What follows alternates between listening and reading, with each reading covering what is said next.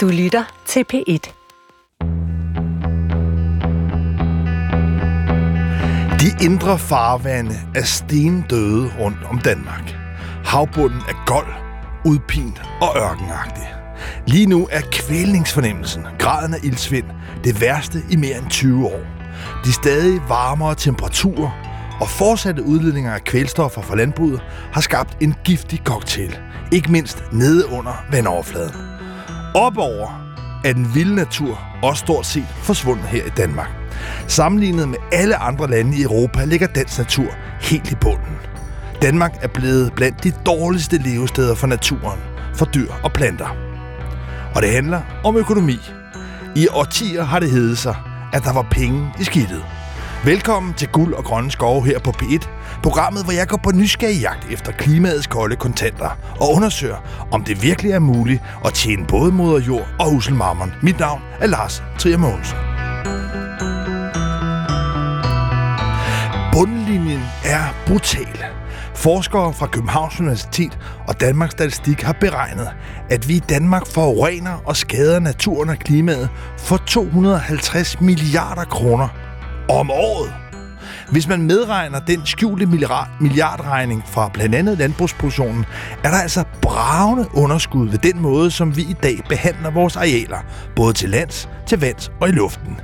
Et kæmpe underskud, der på en eller anden måde kan siges at sendes videre til fremtidige generationer som en dummebøde. For de største udgifter, ja, de kommer slet ikke fra landbrugsstøtten, men derimod fra de naturødelæggelser, som lige nu viser sig mest dramatisk i de døde indre farvand. Mængden af kemi, gammel kemi, er ganske enkelt blevet for overvældende. Og mængden af kemi, og det kan være kvælstof og fosfor, og samt ikke mindst CO2 og metan, er blevet en dårlig forretning. Mængden af kemi skal nedbringes, mindskes. Og i dag dykker jeg derfor ned i nye løsninger. For vi skal jo trods alt stadig have noget at spise. Hør om lidt om virksomheden Biomics, der udvikler nye mikrobiologiske løsninger.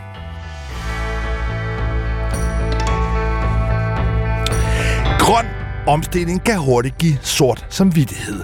I hvert fald, hvis man krasser lidt i de glatte overflader på vores mobiltelefoner, elbiler og solceller.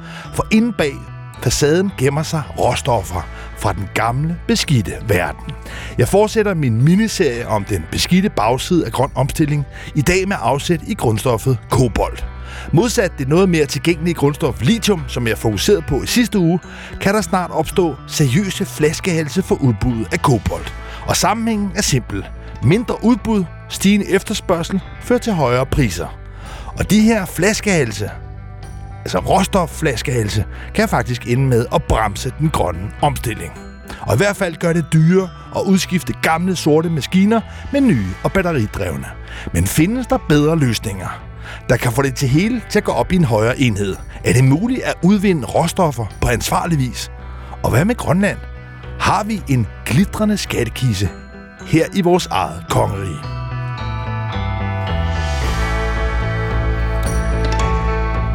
Uden mad og drikke dur helten ikke. Der er brug for sunde fødevarer, ikke mindst i en urolig verden, hvor befolkningstallet fortsætter med at stige, og hvor krige kan pumpe priserne på madvarer op. Så selvom den nuværende landbrugsproduktion forårsager, det er i hvert fald påstanden her, en milliardregning til den kommende generationer, så er løsningen jo nok ikke at droppe fødevarer. Faktisk slet ikke.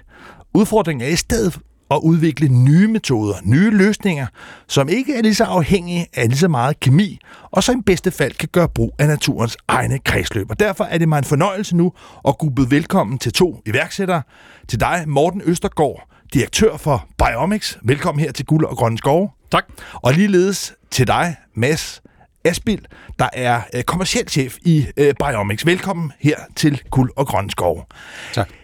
Lad mig først høre, I har sendt et produkt i en meget ny virksomhed. Vi har sendt et produkt på markedet, der hedder øh, Speed Seed. Hvad er det, øh, Morten Østergaard? Hvad er det for et produkt, I har sendt på markedet? Ja, jamen øh, Seed Speed, det er øh, en, øh, en flaske med fynske bakterier fra, øh, fra den fynske muld. Og øh, det, som de her bakterier gør, det er, at de øh, frigør nogle af de næringsstoffer, der ligger i jorden, øh, sådan så de bliver mere tilgængelige for planterne. Dermed kan man bruge mindre gødning. Men lad os lige prøve at forstå. Altså, vi har en, en mark, hvor man med sådan traditionelt, konventionelt landbrug vil sprøjte noget gødning ud, og det er jo det, der så bliver diskuteret. Det er ikke det, vi skal diskutere nu, men normalt vil der jo så være meget af den øh, gødning, som går i planterne, men der sker også en udvaskning. Og det, I nu tilbyder, det er et produkt, hvor man i virkeligheden kan reducere mængden af gødning. Hvorfor kan man det?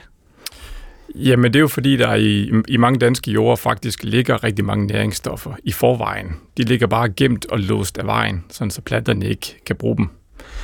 Øh, det vi går ind og gør med vores produkt, det er, at vi frigør den her pulje, øh, så planterne i højere grad kan bruge de næringsstoffer, der allerede ligger i naturen, i stedet for at man skal ud og gøde. Men hvad er det, de her fynske bakterier, hvordan er det, de ligesom forløser de altså næringsstoffer, der er allerede i jorden. Hvad, hvad, hvad er det, jeres øh, seed speed kan? Ja, jamen, øh, mange af de her næringsstoffer her, de er bundet til jordpartikler, og de er bundet til, vores, øh, til den jern og den kalk, der ligger i jorden. Øh, og når de er det, jamen, så, øh, så kan planterne ikke øh, trække dem til sig og, og, og bruge dem. Øh, så det vores bakterier går ind og gør, det er, at øh, de øh, kløver nogle af de her øh, øh mineraler, der ligger i jorden, så de her næringsstoffer bliver øh, tilgængelige for planten. Og så i stedet for, at de vasker ud i, i åen, jamen så øh, havner de i planten og i vores mad. Mads Asbil, du er øh, kommersiel chef, øh, det der på engelsk hedder Chief Commercial Officer ja. i øh, Biomics. Er der ligesom i dag et marked, et stort marked for øh, SeedSpeed? Ja, det er der jo, og det er der jo primært fordi, at meget af den kemi, øh, der bliver brugt i dag, er jo under pres og, og meget af den bliver jo også øh, forbudt løbende. Så, så vi kigger jo ind i en sektor, som jo i den grad er på jagt efter nye løsninger. Så landbruget, på trods af, at landmænd er udskilt, så er der en erkendelse af, at man er nødt til at omlægge produktionen. Og der er det så, at Seedspeed, vi skal også komme ind til et af de andre produkter, I har under udvikling, men der er det så, det kommer ind. Men, men, men hvad er potentialet? Nu bliver der ikke kun dyrket øh, i Danmark. Hvad, hvad er det for et kommersielt perspektiv, I ser og men vi ser jo et, et rigtig stort kommercielt øh, perspektiv, og, og som jeg sagde før, så er der jo rigtig mange af de produkter, som man har brugt øh, traditionelt, som er ved at blive forbudt. Men samtidig, som du sagde i din indledende tale, så er Danmark jo et landbrugsland, øh, hvor rigtig meget areal er lagt ud til mark, og, øh, og, og ganger man antallet af planter op øh, på arealet, og, øh, øh, og den påvirkning, de gerne skal have øh, blandt andet fra næringsstoffer og andre, jamen, så, så er det klart, så er potentialet øh, jo rigtig, rigtig stort. Morten Østergaard, øh, direktør i øh, Biomics. Hvor enestående, hvor særligt er øh, Seed Speed? Altså jeg tænker, andre har vel også måske forsøgt at bruge naturens egne kredsløb podet med, med bakterier. Altså, er det her noget, som ingen andre ligesom kan sælge på markedet? Ja. Nej, der findes faktisk øh, der findes lignende produkter på, øh, på verdensmarkedet. I, øh, især i Latinamerika er det faktisk forholdsvis udbredt, den her slags produkter. Men der er ikke rigtig nogen, der har forsøgt at lave et, øh, et ordentligt, øh, dybt øh, samarbejde med, øh, med vores landbrug her i, øh, i Nordeuropa om at lave nogle produkter, som er øh, super gode øh, heroppe. Morten Østergaard Andersen, du kommer selv fra øh, forskningsverdenen. Hvordan var det ligesom, du opdagede det potentiale, der er i de her bakterier? Ja, Jamen, øh, jamen, som forsker, så kan jeg jo godt lide at, at lege rundt med, øh, med ny teknologi og, og, og nye muligheder og, og teste dem af og se, hvad kan man bygge med, med den her sjov dims, øh, eller den her sjov teknologi. Øh, og det var faktisk sådan lidt, det kom, øh, det kom ud fra et ønske om at tage en masse teknologier og se, om vi kunne gøre noget fedt inden for klima og miljø med de teknologier. Øh, så vi tog nogle af vores øh, maskiner og nogle af vores teknologier, og så øh, flyttede vi om på den anden side af, af jorden til Australien og bosatte os på et landbrugsuniversitet der, øh, for at se, om ikke vi kunne bringe de her teknologier i spil. Øh, og det kunne vi så heldigvis. Det blev til en, øh, en sindssygt fed teknologi med, med mega meget potentiale. Og så har du nu formået at være med til at skabe den her virksomhed? Altså, det er jo noget, der tales meget om, det er noget, der drømmes meget om, at man i Danmark, ligesom man ser det i andre lande, man hylder ofte USA og sådan hele øh, sådan, sådan informationsteknologiske revolution, der har været omkring øh, Silicon Valley ved San Francisco, men det, at man ligesom formår at bringe forskning, altså den nørdede, lukkede forskning i spil i virksomheder. Hvad var det, der gjorde, at du ligesom tog springet fra forskerverdenen ud til at stifte en virksomhed? Det var ønsket om at gøre en forskel. En konkret kontant stor forskel her og nu. Det var, øh, det, det var årsagen. Men er det så lykkedes? Altså, nu har øh, marked, eller produktet øh, været, Seedspeed har været på markedet. Vi har ligesom set en høstsæson nu. Altså, hvad, hvad, hvad siger øh, kunderne, øh, Mads Asbjørn? Jamen, øh, kunderne er ligesom også ret fortrystningsfulde. Øhm, jeg tror, det er vigtigt at understrege, at øh, med, med sådan et produkt her, som jo består af levende organismer, så vil der være nogle landmænd, der ser et øh, rigtig godt resultat, og der vil være nogle, der ikke har et resultat. Og der pågår jo stadigvæk fra vores side af en, en yderligere analyse af, øh, hvad der sker, når det går rigtig godt, og når, det ikke, øh, når der ikke rigtig sker noget. Men, men det er vigtigt for mig at understrege, at vi oplever jo helt klart en landbrugssektor, som er meget, meget nysgerrige øh, på det her nye produkt, eller den nye produktkategori, og som, og som virkelig, virkelig gerne stiller sig selv til rådighed for at få det prøvet af. Øh, og som også virker til, at de har ret god tålmodighed med det, fordi de godt ved, at der skal ske noget andet. Morten Østergaard Andersen, prøv lige at forklare forskellen på sådan en klassisk kemi og så den her type af mikrobiologiske løsninger. Altså, hvad er det, der er forskellen, også i forhold til de naturområder, vi taler om? Yes. Jamen det, som mange landmænd gør i dag, det er, at de tager en, øh, en stor portion næringsstoffer og kommer på marken en eller to gange i løbet af et år. Så når de kommer næringsstoffer på marken, så får marken mange flere næringsstoffer, end planterne egentlig kan bruge på én gang. Øh, og en stor del af de næringsstoffer, de går tabt. De går tabt til luften i gyldedampe, og de går også tabt til vores øh, grundvand, og, øh, og så er der selvfølgelig en stor del, der udvasker til vores øh, vandmiljøer. Øh, det, som mikrobiologiske løsninger gør, det er, at det er, jo, det er jo levende organismer, som sidder på planten over en længere periode og stille og roligt frigiver næringsstoffer i takt med, at planten kan udnytte de næringsstoffer. Og dermed reducerer du den her udvaskning. Så du får en langt højere udnyttelse af, af de næringsstoffer, der er til stede på marken mm, med meget mindre udvaskning. Men, men hvad er det helt konkret, der sker? Altså hvis man forestiller sig, at man tager den her dunk med, øh, med, med, med seedspeed, og, og hælder ud. Hvad er det konkret, der sker inde i, hvis vi tager noget, noget korn, altså hvide aks? Hvad, hvad, hvad sker der? Yes. Altså seedbeat er, øh, som det ligger i navnet, en frøbehandling. Så det er nogle bakterier, vi ligger på overfladen af frø. Øh, når de frø kommer i jorden, jamen så vågner bakterierne op, og, øh, og i takt med, at planten spiger og udvikler et rodnet, jamen så migrerer bakterierne ud langs det rodnet så sidder bakterierne på, på rødderne og øh, frigiver øh, nogle stoffer, som opløser de her mineraler i røddernes umiddelbare nærhed. Så det vil sige, at det er kun planten, der er podet med den her bakterie, der får flere næringsstoffer. Ukrudtet for eksempel gør ikke. Øhm, og den store pulje af næringsstoffer, der ligger i jorden, er egentlig øh, upåvirket. Det er næringsstofferne lige omkring planten, som, som vi påvirker. Men altså giver det her potentialet til, at man kan lige så stort øh, udbytte uden de sådan ret mærkbare og efterhånden også synlige bivirkninger, der har været tidligere, ved ligesom, som du beskriver, at pøse næringsstoffer ud to gange om året. Altså kan man forestille sig, at dansk landbrug vil kunne producere lige så meget, uden i virkeligheden de meget negative konsekvenser, der er i områderne omkring?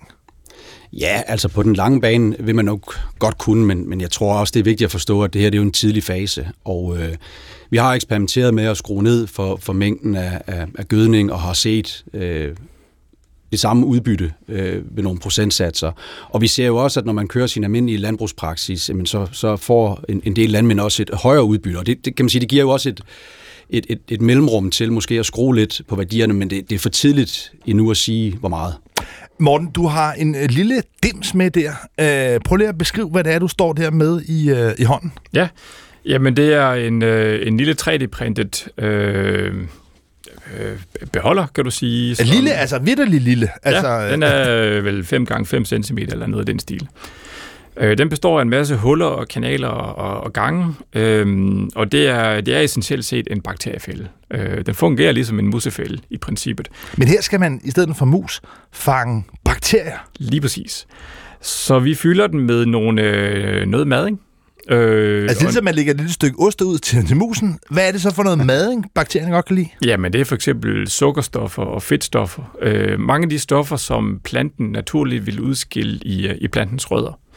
Og det, som vi så gør, det er, at vi sammensætter den her øh, mading, om du vil, øh, på en måde, så den giver nogle konkurrencefordele til bakterier, som kan nogle, øh, nogle ting, vi leder efter. For eksempel den her evne til at opløse næringsstoffer. Så lægger vi den fælde ud i naturen, og det der så sker, det er, at alle de mange milliarder af bakterier, der ligger i naturen, konkurrerer imod hinanden om at bosætte sig i den her fælde. Så skræder vi miljøet, så dem, der lige er bedst til for eksempel at opløse næringsstoffer, er dem, der vinder.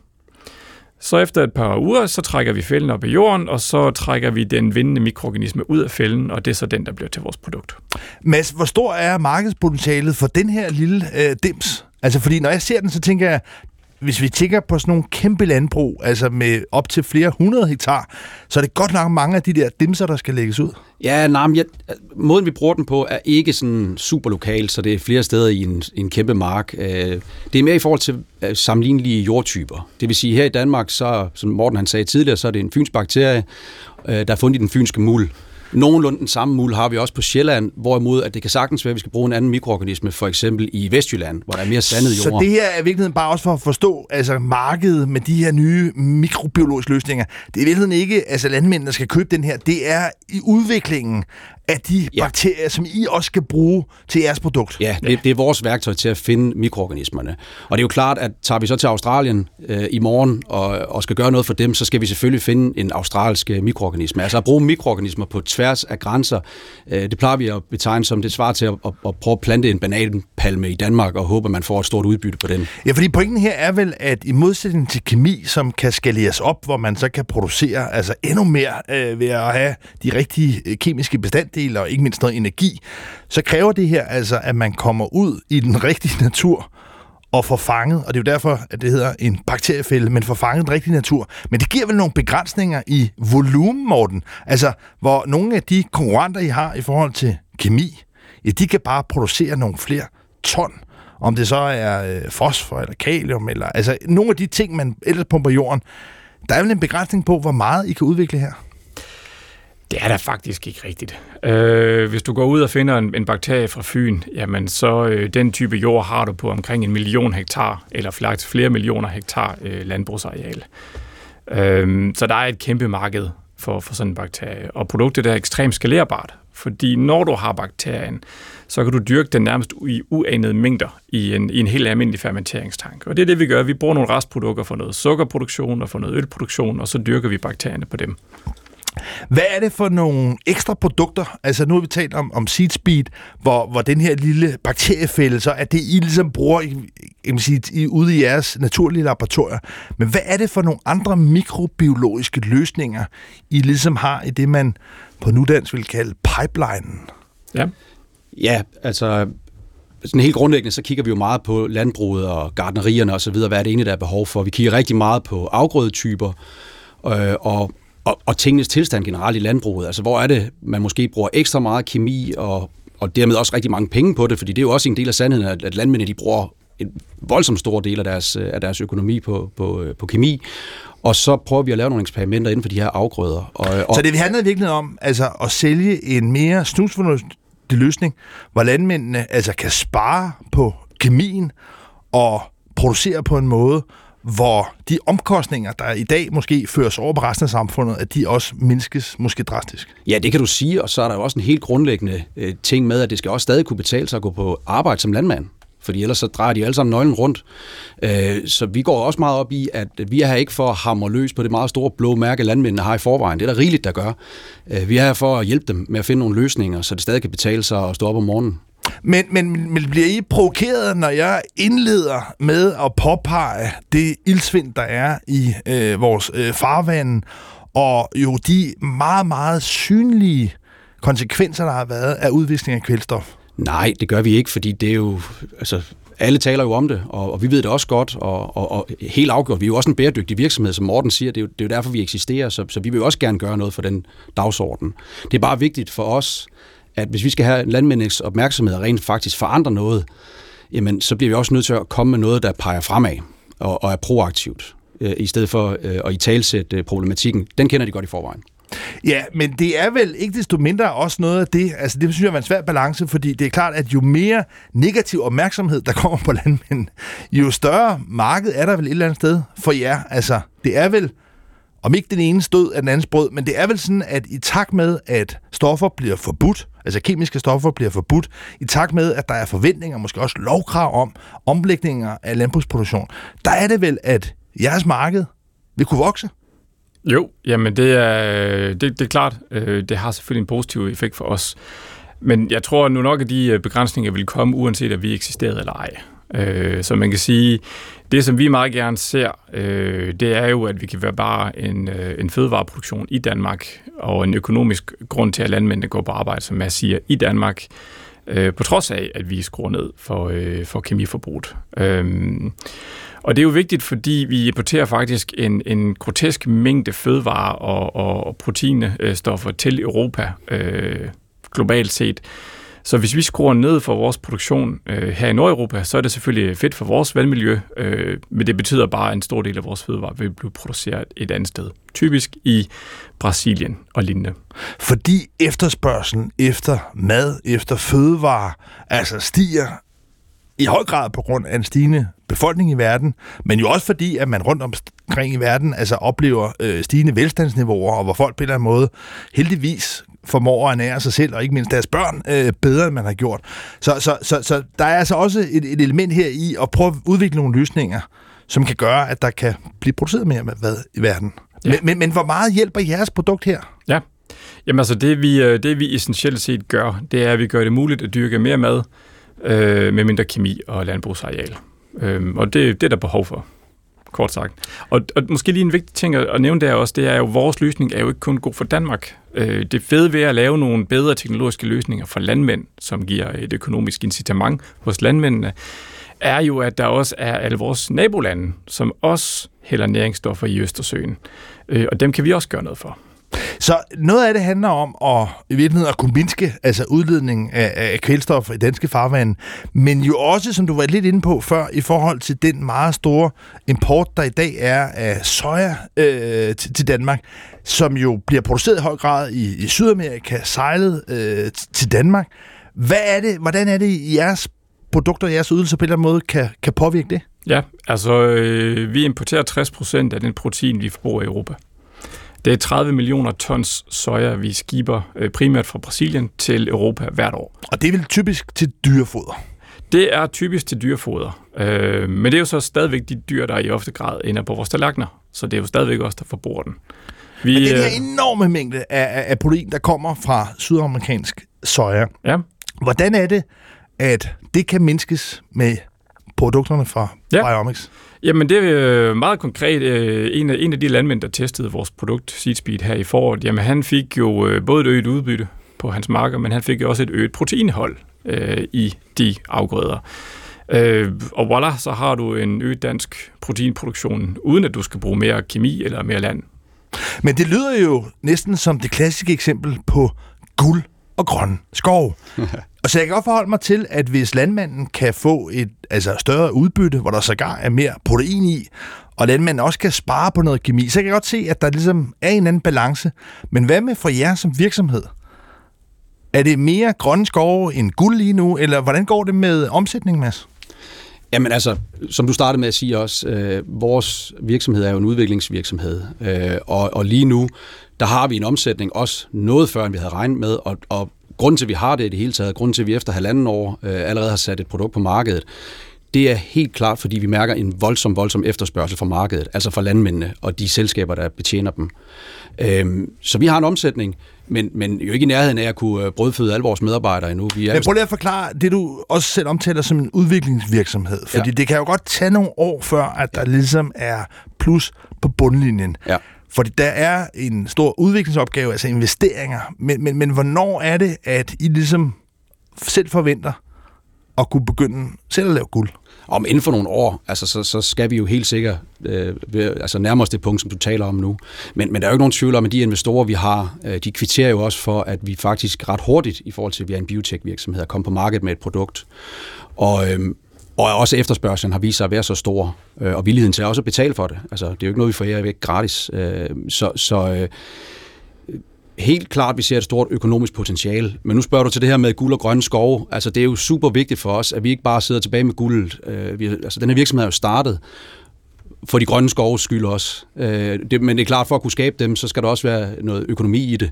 Så, så vi vil have den her øh, klimapåvirkning, og vi vil være med til at skære ned på, øh, på kemien. Ellers så, øh, så, altså, så, så har vi ikke gjort det, vi satte os ud for. Men er ambitionen, bare for at forstå det, at man i virkeligheden vil kunne omstille landbruget til at kunne producere lige så meget, nu kan man måle det på mange måder, men lad os nu for eksempel bare måle det i proteinanholdet, altså hvor meget protein, der kan, der kan produceres på danske øh, arealer, på danske marker.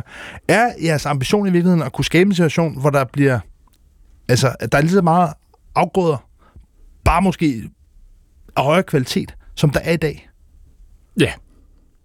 Og det, det vil være muligt, fordi man kan sige, at andre vil jo i de her uger, i den her tid, snakke om, at man er nødt til at reducere det areal, hvor vi dyrker på. Det skønt, der ligesom, kan man sige, tror jeg, er sådan nogenlunde nøgternt forankret, det er, at det er op mod 600.000 hektar, altså det dobbelte af Fyns areal, der vil skulle tages ud, for at man kan nedbringe den belastning, landbruget har i dag. Ja. Men det der altså er, og det er jo i sandhed guld og grønne skove, det, er, det I siger, det er, at hvis man brugte både jeres øh, produkt, men også lignende øh, mikrobiologiske løsninger andre, så vil man i virkeligheden kunne producere lige så meget, som man gør i dag. Øh, om konkret kvantitativt, hvor meget og hvordan, det, det, øh, de beregninger har vi ikke lavet. Øh, men det er klart, at hvis du tager land ud, øh, lavbundsjord for eksempel, som er klimamæssige årsager, kan være fornuftige at tage ud af landbrugsproduktion. Øh, det, skal jeg ikke, det er jeg ikke ekspert i, så det skal jeg ikke kunne tage stilling til. Men hvis du gør det, så skal du jo producere enten mere mad fra mindre areal, eller også så skal du importere mere mad. Det, det, det er jo faktum. Øh, så der ser vi helt klart øh, gerne, at vi på en eller anden måde i så fald kan øge øh, produktionen fra det land, vi har tilbage i landet, øh, så vi ikke skal importere mere. Fordi Europas fodaftryk på planeten har ikke brug for at blive større. Hvad er jeres øh, ambition her afslutningsvis? Fordi man ser jo mange nystartede virksomheder, som i virkeligheden ofte måske baner vejen for innovation og opfindsomhed, men ender ofte med at blive opkøbt af nogle af de gamle giganter. Altså er scenariet, at I lige pludselig en dag ender med at blive opkøbt af nogle af kemigiganterne, eller er det jer selv, der opsluger dem, eller hvordan, hvordan er det store ambitionsniveau? Det er svært at forudsige om. Det er jo ikke helst det scenarie, vi ser. Men omvendt så ser vi jo gerne, at de store kemigiganter, de kommer med på den moderne bølge og øh, lukker deres kemibusiness. Vi har det sådan lidt, hvis øh, dansk olie og naturgas kan blive til Ørsted eller bygge vindmøller, jamen så er der måske nogle af de andre, der også kan se lyset. Morten Østergaard Andersen, direktør for Biomics og Mads Asbil, kommersiel chef. I skal have tusind tak for at komme ind her i Guld og Grønne Skov og være med til at give lidt håb om, at landbruget faktisk har en fremtid ved at omstille sig, at vi måske en dag igen kan opleve kyst, kyster, vand, hvor der er liv i. Øh, I skal have tusind tak, og held og lykke. Tak. Tak.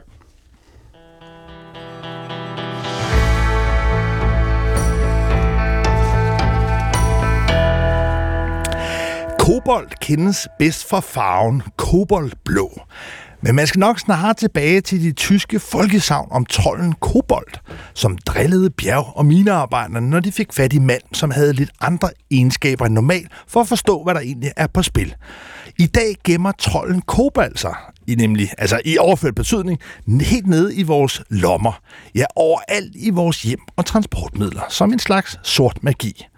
Hvis du hører guld og grønne skove via din mobiltelefon, ja, så har du måske ikke tænkt over, at grundstoffet kobolt efter al sandsynlighed er inde i dit batteri. Du går altså rundt med trolden kobolt nede i lommen. Og denne kobolt er typisk også udvundet under forhold, som knap nok tåler dagens lys. Som i en fortryllelse har vi bildet hinanden ind, at grøn teknologi er ren teknologi. Men så god er verden ikke. Og vi kan nok ikke længere narre hinanden til at tro, at alt bare er fint på den skinnende overflade. Bag det grønne slør gemmer sig et måske lidt mere skræmmende eventyr. Og i min tur rundt i bagsiden af medaljen vil jeg nu begynde med at høre geologen Christoffer Silas fra Københavns Universitet fortælle, hvorfor kobolt er så afgørende. Kobolt følger med, med kover, og det er typisk de der sådan, øh, kraftige øh, grønne eller blålige farver, man, man finder de her mineraler i. Sådan noget malakit og azurit hedder de her forskellige mineraler. Det er et metal, som øh, lige nu er ret essentielt for den grønne omstilling. Især fordi det bruges i den type elbilbatterier, man, man bruger. Så når vi får produceret strøm fra vind- og vandkraft og solkraft, så øh, skal vi have en måde at øh, opsamle den øh, elektricitet, der genereres, og det vil typisk være i de her lithium-ion-batterier. som indeholder en stor mængde kobolt og grafit og andre forskellige grundstoffer for at kunne fungere.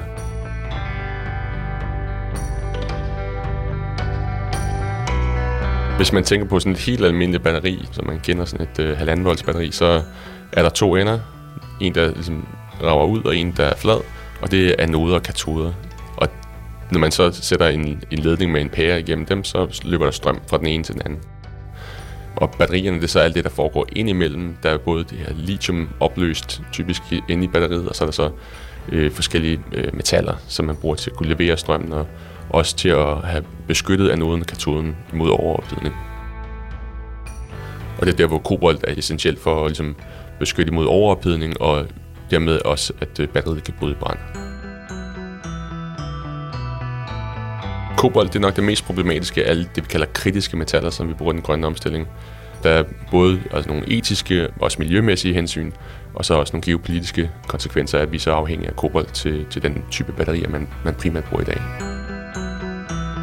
Altså det største problem, som man sikkert også har hørt om i medierne, det er det her med i Centralafrika. Det er et meget ureguleret marked. Der, altså, man, det er nærmest folk, der graver deres egen baghave op. Det er, der er en masse børnearbejde involveret, altså flere tusind børn Altså, er simpelthen involveret i den her øh, kobolt-industri øh, i, øh, i Afrika. Og det klart, det, det giver nogle etiske problemstillinger, så er der også, øh, altså, fordi det er ureguleret, så er der ikke nogen sådan miljømæssige øh, hensyn, så det er noget, der ligesom kan kontaminere lokale floder og den slags.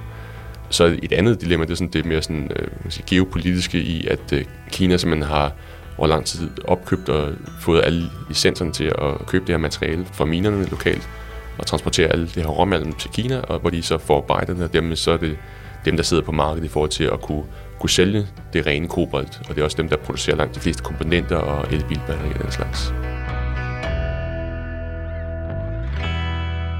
Her i studiet har jeg nu fået besøg af Christian Sylvester Hvid, faglig leder på Teknologisk Institut, og Per Kalvi, mangeårig konsulent hos Geos. Velkommen her i Guld og Grønne Skove. Christian Sylvester Hvid, først dig. Hvorfor er det, at kobolt er blevet så udbredt i batteriteknologi? Altså kobolten, den kom ind øh, i begyndelsen af 90'erne med, med de, øh, de første lithium-ion-batterier, vi, vi kendte til, og det var typisk i forbrugerelektronik. Og på det tidspunkt, der var øh, kobalt, det var et, øh, det er faktisk det eneste øh, katodemateriale, som man siger, der, øh, der virkelig kunne øh, løse opgaven. Hvad, hvad er et katodemateriale? Jamen, det hørte vi øh, ja. Øh, kort om. Bare lige for, for, for, for præcisere. Ja, i øh, den, øh, den, den forrige gæst, at, øh, at der er jo en, der er en katode og en node øh, i et batteri. Der er to ender i et batteri. Der er en pluspol og en minuspol. Og øh, øh, den ene side, katoden, øh, det er der, for, hvor vi i hvert fald for lithium-ion-batterier vedkommende, der, får, der definerer vi typen af batteriet ved, frem for alt for det katodemateriale, der bliver brugt. Der, der, over på anoden, der er typisk i dag øh, noget, der hedder grafit. Øh, så så det, lad, lad, hvis vi nu lader det ligge, så kan man sige, på katodesiden, det er navnet på batteriet, på lithium-batteriet i dag. Og de første batterier, vi kendte til, som vi havde i vores telefoner, de øh, brugte det katodemateriale, der hedder LCO, lithium kobaltoxid. Og der øh, var kun lithium, kobalt og oxygen. Og, øh, og det var der, det hele startede. Og, øh, og de øh, batterier og den batterikemi viste, hvad der var muligt med lithium-ion-batterier, altså hvilken energitæthed vi, øh, vi kunne have, og, og alt det, der kunne lade sig gøre. Så, så det, var, det er der, vi kommer fra.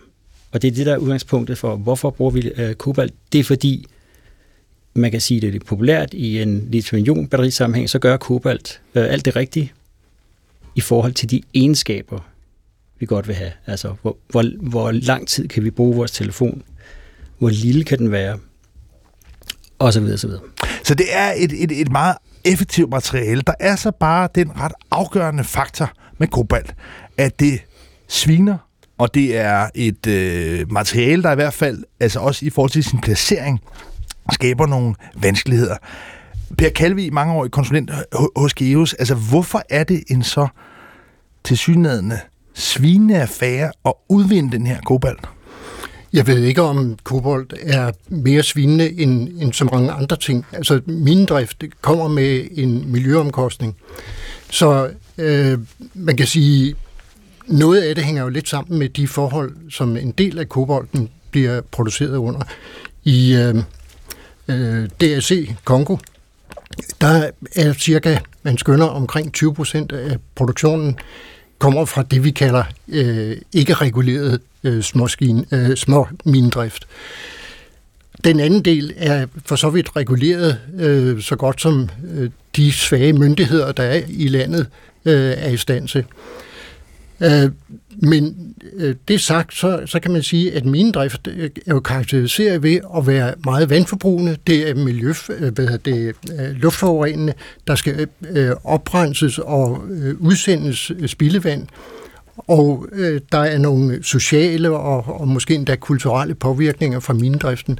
Og der kan man så sige, omkring øh, kobolt, som kommer som biprodukt sammen med kår i Afrika, så er det meget, meget store produktioner, så de har en meget stor påvirkning.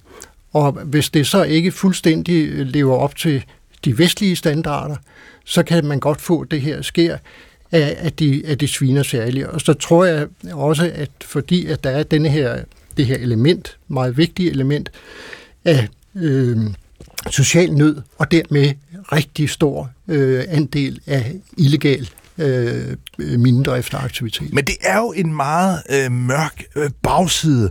Christian Sylvester Hvid, faglig leder på Teknologisk Institut. Altså den her bagside af den grønne omstilling, er det noget, der ligesom har været lidt underfortalt? Jeg er med på, at, at I har kendt til den, altså øh, altid, men, men normalt, når man hører, altså for eksempel på amerikansk eller engelsk, der taler man om clean tech, altså ren teknologi. Har det ligesom været underfortalt, hvad det egentlig er for en virkelighed, der er inden her konkret i batterierne? Altså det tror jeg helt generelt for, øhm, for os i Vesten, at vi har, øhm, i takt med at vi har udfladet en masse af den beskidte industri, øh, og altså for Europas udkommende er der jo ikke særlig meget minedrift tilbage. Og når man gør det, så glemmer man jo hurtigt, øh, hvad, det, hvad, hvad den, den rigtige øh, omkostning er ved at øh, producere alt muligt. Herunder øh, green tech. Og, øh, og, og så bliver situationen tilspidset yderligere ved, at, øh, at der har været et enormt pres på af forskellige årsager øh, til at både at lave øh, altså batteriløsninger, øh, det gælder sådan set også for vindmøller, men en, faktisk en hel del af vel næsten alle de grønne teknologier, som vi godt vil sætte i spil i Europa og i Vesten, for at, øh, og mange andre steder i øvrigt også, men, men i hvert fald lad os tage Europa, øh, det vil vi godt, og vi vil godt sætte penge i det, vi vil også godt investere i det men vi laver ingen råmaterialerne selv. Og det vil sige, at vi glemmer det. Og det, det, det bliver heller ikke, øh, altså for almindelige mennesker er det lige pludselig ikke længere klart, at der er en materiel virkelighed nedunder. Og den sviner lige så meget, som den altid har gjort. Der er ikke noget nyt her.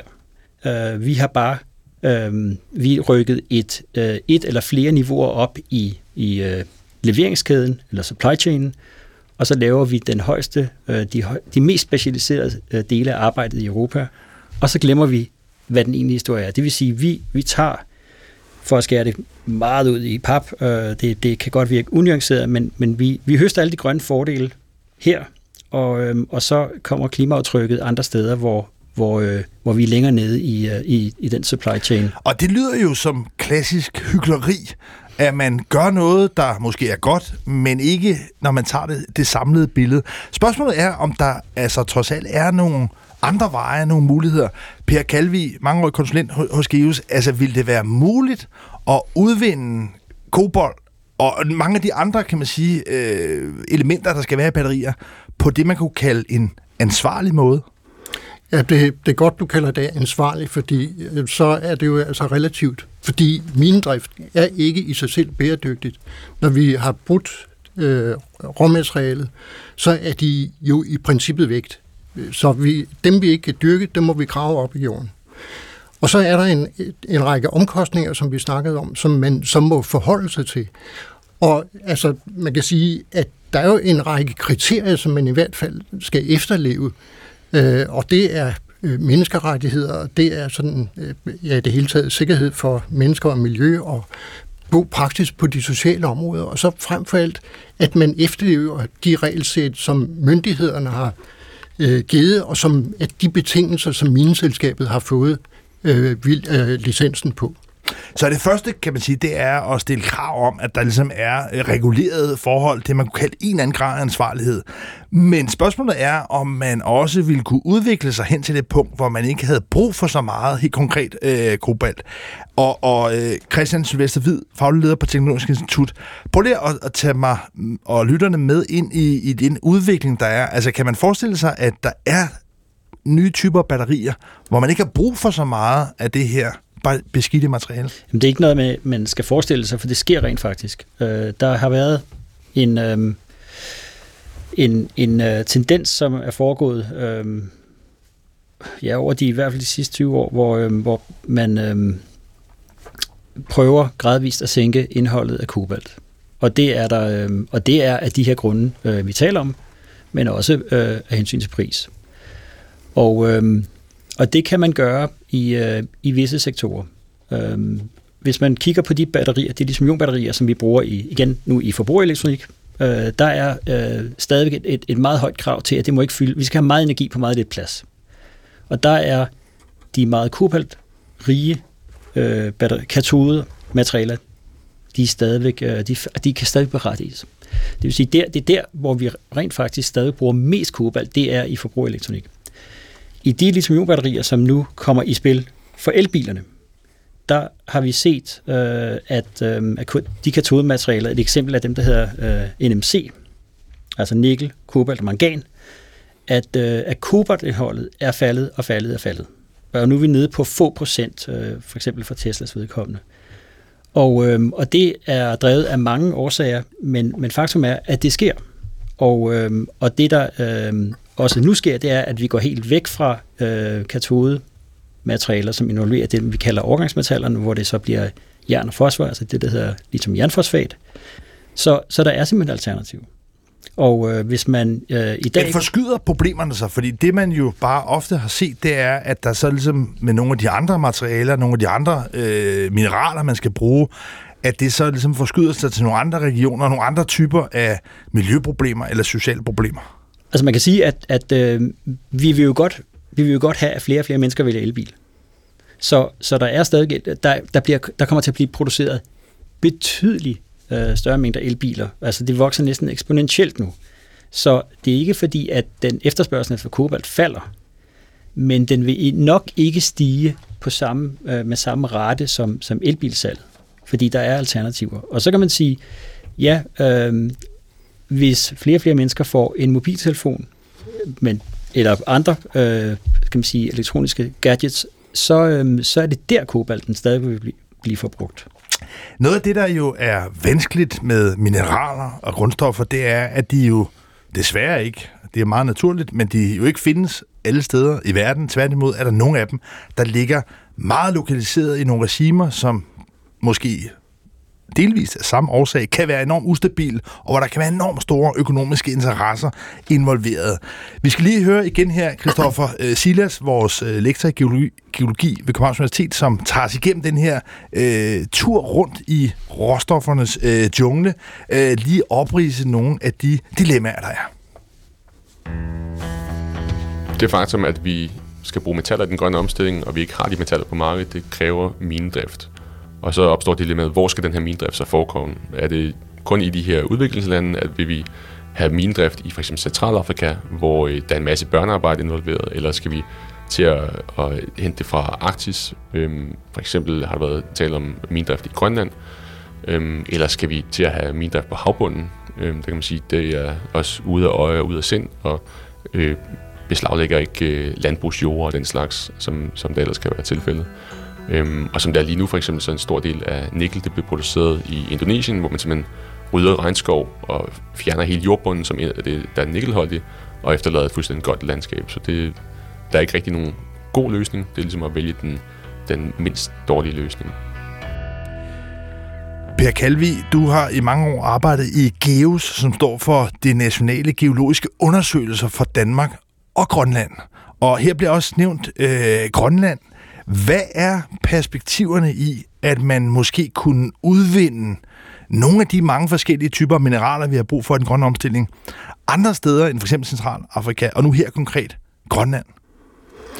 Jeg tror, man i udgangspunktet skal gøre sig klart, at øh, der er ikke nogen garanti for, at råstofferne, uanset hvad det måtte være, bliver anvendt i det land, hvor de bliver udvundet. Det er faktisk, det hører snart til sjældenhederne, at det foregår på den måde. Så hvis der en dag skulle komme øh, minedrift i Grønland, øh, og det er, øvrigt, det er jo selvstyret, som er, hvad skal man sige, øh, forhandler og tilrettelægger øh, den del, og afgør, hvem der skal og hvem der ikke skal, men så er det jo ingen garanti for, at det materialeflow vil flyde ind i, øh, i Europa, og i øjeblikket må man sige, at som Christian også nævnte, at de industrier, som skulle suge øh, råmaterialerne op på det tidspunkt, de eksisterer ikke. Så det mest sandsynlige er jo, at de vil gå til de steder, hvor, hvor industrien er, og det er jo altså i Kina i øjeblikket, som øh, helt dominerer på øh, koboldområdet. Og indtil videre har det jo også primært været kinesiske mineselskaber, der har udvist størst interesse i forhold til Grønland. Status er, at der er meget stor politisk modvilje mod det i, i Grønland. Grønlandske, grønlandske politikere ønsker ikke øh, massiv udvinding. Men, men lad os lige prøve at forstå, altså i forhold til de, den skattekiste, som Grønland måske er på det område, det er helt oplagt. Det er et spørgsmål om grønlænderne selv bestemme. Det er et spørgsmål om, der overhovedet er folk, der investerer i det. Men hvad er der af forekomster? Jamen, der er jo øh, først og fremmest, så dem vi har snakket rigtig meget om, det er jo øh, de sjældne jordsmetaller, fordi der er nogle øh, tre store, meget, meget store forekomster i Sydgrønland af sjældne jordsmetal, som er blevet undersøgt igennem mange år, hvoraf to af dem er meget langt fremme. Den ene så langt fremme, at de indsendte en, en, øh, mine, en, eller en ansøgning om at få lov at, at, at bryde. Men på grund af øh, uranindhold og den øh, hvad skal man sige, problematik, som er knyttet til det, så øh, er det projekt øh, midlertidigt øh, lagt ned. Men så, så der er, der er et, øh, et par andre også. Så er der et grafitprojekt nede i, i Sydgrønland, og der er også et potentielt koboldprojekt i, i Vestgrønland. Øh, og så er der for lige at tage landet rundt, øh, så er der zink op i, i Nordgrønland og molybden i, i Østgrønland, som alle sammen er noget, der ikke er usandsynlige scenarier for Men Per Kalvi, når man kigger på forretningsmulighederne i den grønne omstilling, som jo er det, jeg øh, er nysgerrigt undersøger her i Guld og Grønne Skove, så er det vel relevant at trække frem, at der er de her forekomster Bestemt. i Grønland. Så kan man så vælge at udnytte dem eller ej, men det er vel sådan set noget, der potentielt kunne være en meget, meget stor indtægtskilde, som vil være direkte knyttet til en grøn omstilling. Men, men det er jeg helt enig i. Man skal bare lige huske i den her sammenhæng, at hvis vi taler om de sjældne jordsmetaller, for lige at skifte emnet et øjeblik, som er til magneter, altså vindmøller og eltransport, så er det jo ikke ressourcedelen, der er øh, flaskehalsen. Flaskehalsen ligger længere nede. Så det er, det er altså ikke så nemt at få den der forretningsmodel. For et er en, en, øh, hvad skal man sige, en, en øh, forsyningskæde, men en værdikæde, det er en helt anden ting. Ja, det, der er lidt forvirrende med begrebet sjældne jordarter, det er, at de ikke er sjældne, og de er sådan set teknisk set heller ikke en, en jordart. Men Christian Sylvester Hvid, faglig leder på Teknologisk Institut. Altså, er der nogle potentialer her, når vi taler om grøn omstilling i forhold til mineraludvinding i Grønland, så vi ligesom skal ind i vores, kan man sige, ind på radaren? Altså lige hvad angår batterimaterialer, er jeg ikke tryg, at det er det mest relevante. Øh, der vil jeg kigge til, til Sverige. Altså øh, det, det, der sker lige nu, øh, og det er drevet af blandt andet øh, den batterifabrik, øh, der hedder Northvolt, som i partnerskab med Folkevogn og andre øh, er simpelthen i gang med at lave et, kan man sige, et økosystem. Øh, og det starter med, øh, og det skal det jo starte med, at man har en forekomst. Og, og der er øh, fundet øh, de relevante materialer i Nord- Sverige. Og der er ved at opstå de partnerskaber, og, øh, og det er det er affødt af den her erkendelse af, at, at øh, den europæiske bilindustri kan ikke leve med at være afhængig af, at alt katodemateriale i praksis skal igennem Kina. Altså, de kommer ind som, som råvarer fra, fra miner rundt omkring i verden, og så bliver det raffineret til, til, til katodematerialer, som vi så enten køber eller køber via celler, som også bliver lavet i Kina. Men minedrift i Sverige risikerer vel også at være lige så naturødelæggende og svinende, som den er andre steder. I sidste uge fortalte jeg om, hvordan man i det område, hvor jeg kommer meget i Skåne, at der var et australsk mineselskab, der havde fundet meget store forekomster af det, der hedder vanadium. Projektet er blevet lagt ned, blandt andet fordi sådan nogle irriterende typer, som jeg selv protesterede. Vi vil ikke have det i vores øh, baghave. Men mineproduktion i Sverige, som altså møder ind, også i demokratisk modstand, som det for eksempel skete i, i Skåne, hvor jeg var en af dem, der protesterede mod vanadium-udvinding. Øh, Men det sviner vel også i Sverige? Det gør det, og, øh, og, og det eneste, der er jo ikke andet end at sige, at altså, vil vi den grønne omstilling, vil vi elbiler, så bliver vi nødt til at, øh, at øh, mine det. Men Per Kalvi, vi har jo de her klassiske spørgsmål også i forhold til vindmøller. Ikke i min baghave, uh, NIMBY, not my backyard. Jeg, jeg må bare altså tilstå ærligt, at lige så hyggeligt det er, så kunne jeg bare mærke, at da der var de her planer om vanadiumudvinding i min egen baghave, så protesterede jeg. Altså, hvordan, hvordan balancerer vi det her hensyn til en grøn omstilling med den her beskidte virkelighed? Jeg tror, der er flere ting her, men som Christian også var inde på før, at vi jo, vi er jo fremmedgjort over for råstofforsyningerne. Så øh, vi har jo ingen anelse om, hvor det kommer fra. Og når vi mangler den connection, så har vi heller ingen forståelse af, at vi skal have det. Og vi ser det jo i, i det små herhjemme. Men man kan sige, at det er jo de, de stærkeste muligheder, at de ligesom kan afvise. Men, men du skal jo ikke være blind for, at Sverige kan du også dele op i en nord og en syd, hvor man i Nordsverige velkommen, altså meget, meget glad for, for minedrift, og det er en betydelig del af øh, beskæftigelsen, hvor man i Sydsverige en helt anden syn på det, som er meget mere den, den centrale europæiske, fordi vi, vi vil ikke have det, og det har jo passet netop fint med udflytningen, at vi, øh, vi skal ikke se det, vi kan bare importere det som, som komponenter, vi kan bruge sammen. Christian, Sylvester Hvid her afslutningsvis, skal vi til at lære af nordsvenskerne, minearbejderne, og prøve at forstå, at hvis vi vil den grønne omstilling, så er det her altså en del af pakken. Ja, helt klart. Altså, der, der, er, øhm, der er ingen vej ud om. Man kan ikke, man kan ikke, man kan ikke påberåbe sig retten til at have en mobiltelefon eller en elbil, hvis man ikke vil acceptere, at, øh, at det her bliver fladet tilbage i Europa.